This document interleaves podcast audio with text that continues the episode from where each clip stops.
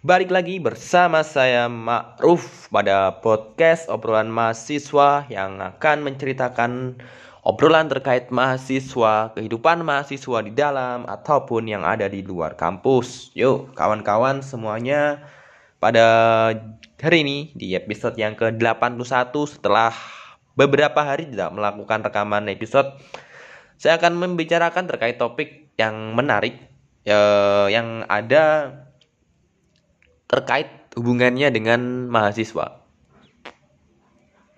Uh, beberapa hari yang lalu, jagat pendidikan Indonesia sempat digegerkan dengan keberadaan plagiasi plagiasi yang dilakukan oleh seorang rektor. Itu diceritakan adalah rektor USU kalau nggak salah ya, rektor USU. Di situ saya baca dari Tempo melakukan sebuah plagiasi Nah, ini mencerminkan bahwa ada apa dengan pendidikan di Indonesia? Bagaimana mungkin seorang petinggi di tingkatan perguruan tinggi bisa melakukan sebuah plagiasi yang sebenarnya dilarang, yang sebenarnya tidak diperkenankan untuk dilakukan. Tapi kenapa orang sekelas rektor bisa melakukan hal seperti ini? Ini patut kita pertanyakan. Tentu kawan-kawan sudah pernah ya pada saat skripsi ataupun disertasi pasti tidak diperkenankan untuk melakukan sebuah plagiasi atau pada saat plagiasi ada berapa persen plagiasinya gitu.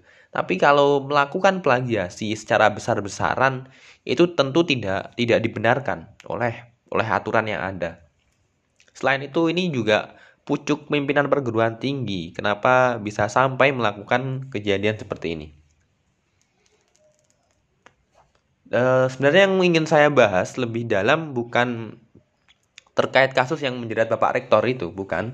Tapi saya ingin uh, menjelaskan sedikit jadi jadi seperti apa sih pendidikan di Indonesia itu sejak dini? Apakah ada yang salah sehingga sehingga menyebabkan pada saat kita pada saat kita melakukan sebuah apa ya kita bergabung pada suatu satuan pendidikan sampai ada kejadian-kejadian seperti ini.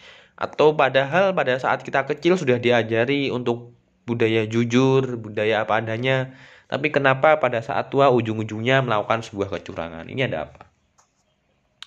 Um,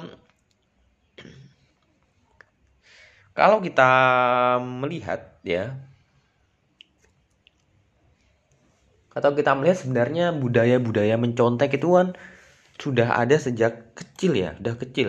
Saya sering melihat itu dulu ya, pada saat saya melakukan ujian waktu SD dulu, waktu MI ya, itu banyak sekali teman-teman yang sudah membudayakan budaya contekan. Entah itu dengan kertas kecil dilemparkan, kalau nggak gitu juga bisik-bisik, kalau nggak gitu buka buku itu macam-macam. Dan itu sang ber, bertambah parah pada saat saya menginjak ke bangku SMP itu sangat parah sekali budaya-budaya mencontek lah. Sebenarnya apa sih yang menyebabkan sampai budaya-budaya seperti ini merajalela di semua tingkatan pendidikan dari yang bawah hingga yang hingga tingkatan perguruan tinggi? Kenapa budaya seperti ini masih merajalela? Sedangkan kalau memang tujuannya untuk mencerdaskan kehidupan bangsa tentu hal-hal seperti ini tidak mendidik sama sekali. Hal-hal seperti ini malah bisa menjadi bumerang yang bisa menyebabkan kerugian besar bagi, bagi bangsa dan negara Uh, kalau saya menekankan ya kawan-kawan ya, ini sambil saya merokok ya, ma maaf kalau ada pada saat bicara sedikit apa sedikit berhenti. Jadi kalau saya melihat itu yang salah itu adalah dari penekanan sistemnya. Jadi di negara ini ada yang salah terhadap sistemnya. Jadi kenapa sih mereka kok bisa mencontek sampai waktu SMP, SMA pada saat ujian nasional dia rela membeli kunci jawaban dia juga rela mencontek temannya, melemparkan kertas dan menghalalkan segala cara. Kenapa sih? Karena ada semacam orientasi yang salah, orientasi yang perlu dibenahi. Sehingga pada saat ini nanti tidak dibenahi, maka akan menjadi budaya turun-temurun, terus-menerus yang tidak akan berhenti dan tidak ada tidak akan tidak akan ada habisnya. Makanya untuk memutus rantai itu harus ada perubahan yang besar pada patokan, pada orientasi, pada sistemnya sudah ada perubahan yang besar. Nah, yang salah itu di mana? kalau menurut saya yang salah dari sistem itu adalah bahwa patokan bahwa semua itu di apa dilihat dari nilai itulah yang harus dibenahi itu saya sembel itu bahwa kenapa kok mereka sampai mengalahkan segala cara menggunakan banyak cara karena orientasi yang mereka pikirkan itu hanya masalah nilai bukan masalah bagaimana saya nanti bisa membuat sebuah gerakan yang bisa apa bisa membuat kreasi, bisa menjadi kreator, bisa kreatif, membuat karya tidak, tapi bagaimana saya bisa memperoleh nilai yang tinggi. Jadi orientasi yang jelas begitu. Karena pada dasarnya apa sih yang kita yang spesial dari nilai itu selain kebanggaan dari yang kita dapatkan dari orang lain? Sebenarnya kan nggak ada dari dalam hati pun pada saat kita membuat nilai yang bagus tapi dari hasil yang tidak tidak apa tidak tidak diber, dibenarkan apa sih yang bisa kita banggakan daripada kita mendapatkan nilai yang jelek tapi itu hasil karya kita sendiri apa yang kita kerjakan sendiri itu sih ya. uh, sebenarnya pada saat kita membahas tentang nilai andai kan sistem nilai ini dihapuskan sistem nilai ini dihapuskan saya pikir persoalan-persoalan seperti plagiarisme terus juga contek mencontek jual beli kunci jawaban ini tidak tidak tidak ada lagi. Pasalnya uh, ini sudah menjadi budaya ya saya saya ini sudah menjadi budaya. Cara mutusnya harus menggunakan orientasi karena pada saat mereka nanti para mahasiswa para siswa tidak mendapatkan nilai yang baik tidak mendapatkan nilai yang bagus pasti mereka akan dihinggapi rasa khawatir. Mereka akan was-was bahwa nanti saya pada saat dimarahi orang tua saya bagaimana, pada saat saya nanti tidak bisa melanjutkan di sekolah favorit bagaimana, pada saat saya nanti tidak bisa kuliah di perguruan tinggi yang negeri bagaimana. Itulah yang masih menjadi orientasi-orientasi yang harus kita kita benahi. Seharusnya patokan-patokan nilai, orientasi yang, menuhankan nilai adalah segala-galanya, inilah yang harus diharuskan, yang harus dihapuskan. Sebab uh, andai kan nilai ini masih terus dijadikan patokan, maka Indonesia untuk melahirkan orang-orang yang kreatif, orang-orang yang punya inovasi yang besar itulah sangat sulit. Perlu adanya perubahan yang jelas itu tadi bahwa harus menghilangkan orientasi. Caranya bagaimana mengganti sistem Semisal ya kawan-kawan ya, saya melihat bahwa pembodohan itu dimulai dari bangku sekolah ya. Kita sudah mending melihat adanya apa itu batas minimal nilai. Jadi semisal kalau tidak nilainya tidak 65 tidak lulus, tidak 75 tidak lulus. Lah, inilah yang saya pikir harus dihilangkan. Karena pada saat nanti kejarannya nilai ya sudah segala cara akan dilakukan untuk mendapatkan nilai di atasnya ambang batas itu. Andai kan ambang batas dihilangkan, pasti mereka akan berusaha, berusaha dengan sekuat tenaga, apa yang sebisanya. Jadi kemampuan murid bisa terlihat. Selain itu juga mereka mereka akan bebas untuk menuangkan apa sih yang ingin mereka kembangkan, karya apa yang ingin mereka ciptakan, pasti akan mudah terpikirkan pada benak mereka. Karena saya pikir uh, kita sebagai contoh ya kita contoh yang paling mudah yang terlihat oleh mata ya yang kasat mata lah ya, yang kasat mata. Kita melihat bahwa seorang youtuber siapa sih yang mereka bener eh, bener-bener punya nilai yang bagus terus bener-bener punya pendidikan yang bagus mereka lahir dari keluarga kaya kan jarang kan?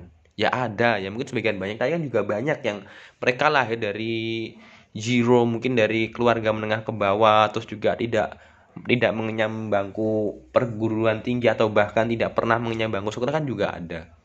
Tidak sebenarnya uh, orang-orang seperti inilah yang bisa kita cetak bahwa sebagai seorang yang apa ya sebagai seorang yang punya dedikasi besar kita punya tujuan yang besar kalau toh kita ingin memperjuangkan cita-cita kemerdekaan untuk mencerdaskan kehidupan bangsa kenapa orientasi nilai masih kita tonjolkan kita tidak mementingkan orientasi yang lebih bagus sepertinya memajukan kehidupan bangsa, mengupgrade diri sendiri.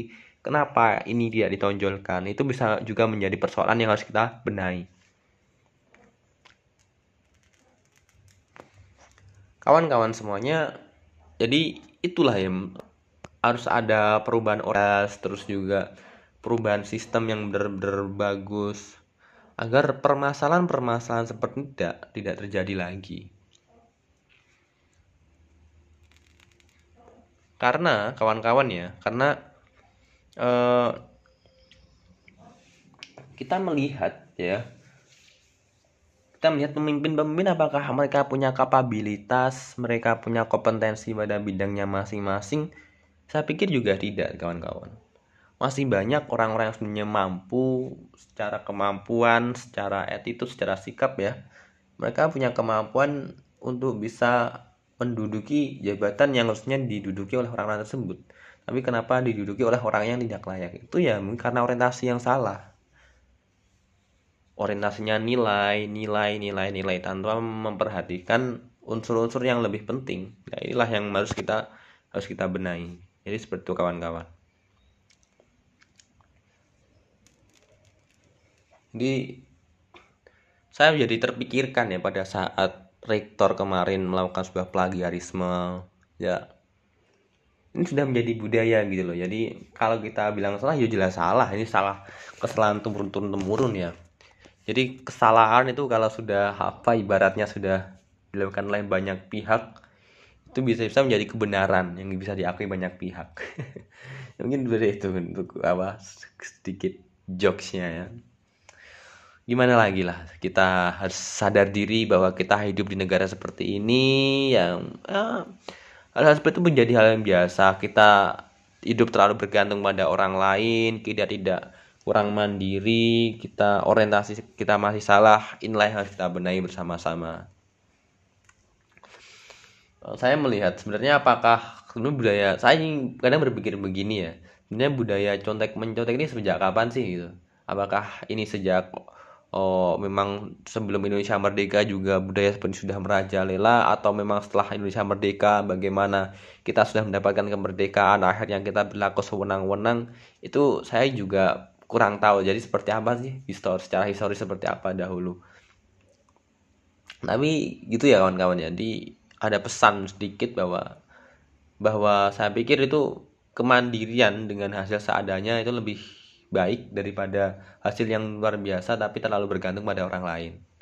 Itu episode kali ini seperti itu kawan-kawan. Ya tidak terlalu panjang. Ya kita berjumpa di episode berikutnya and see you next time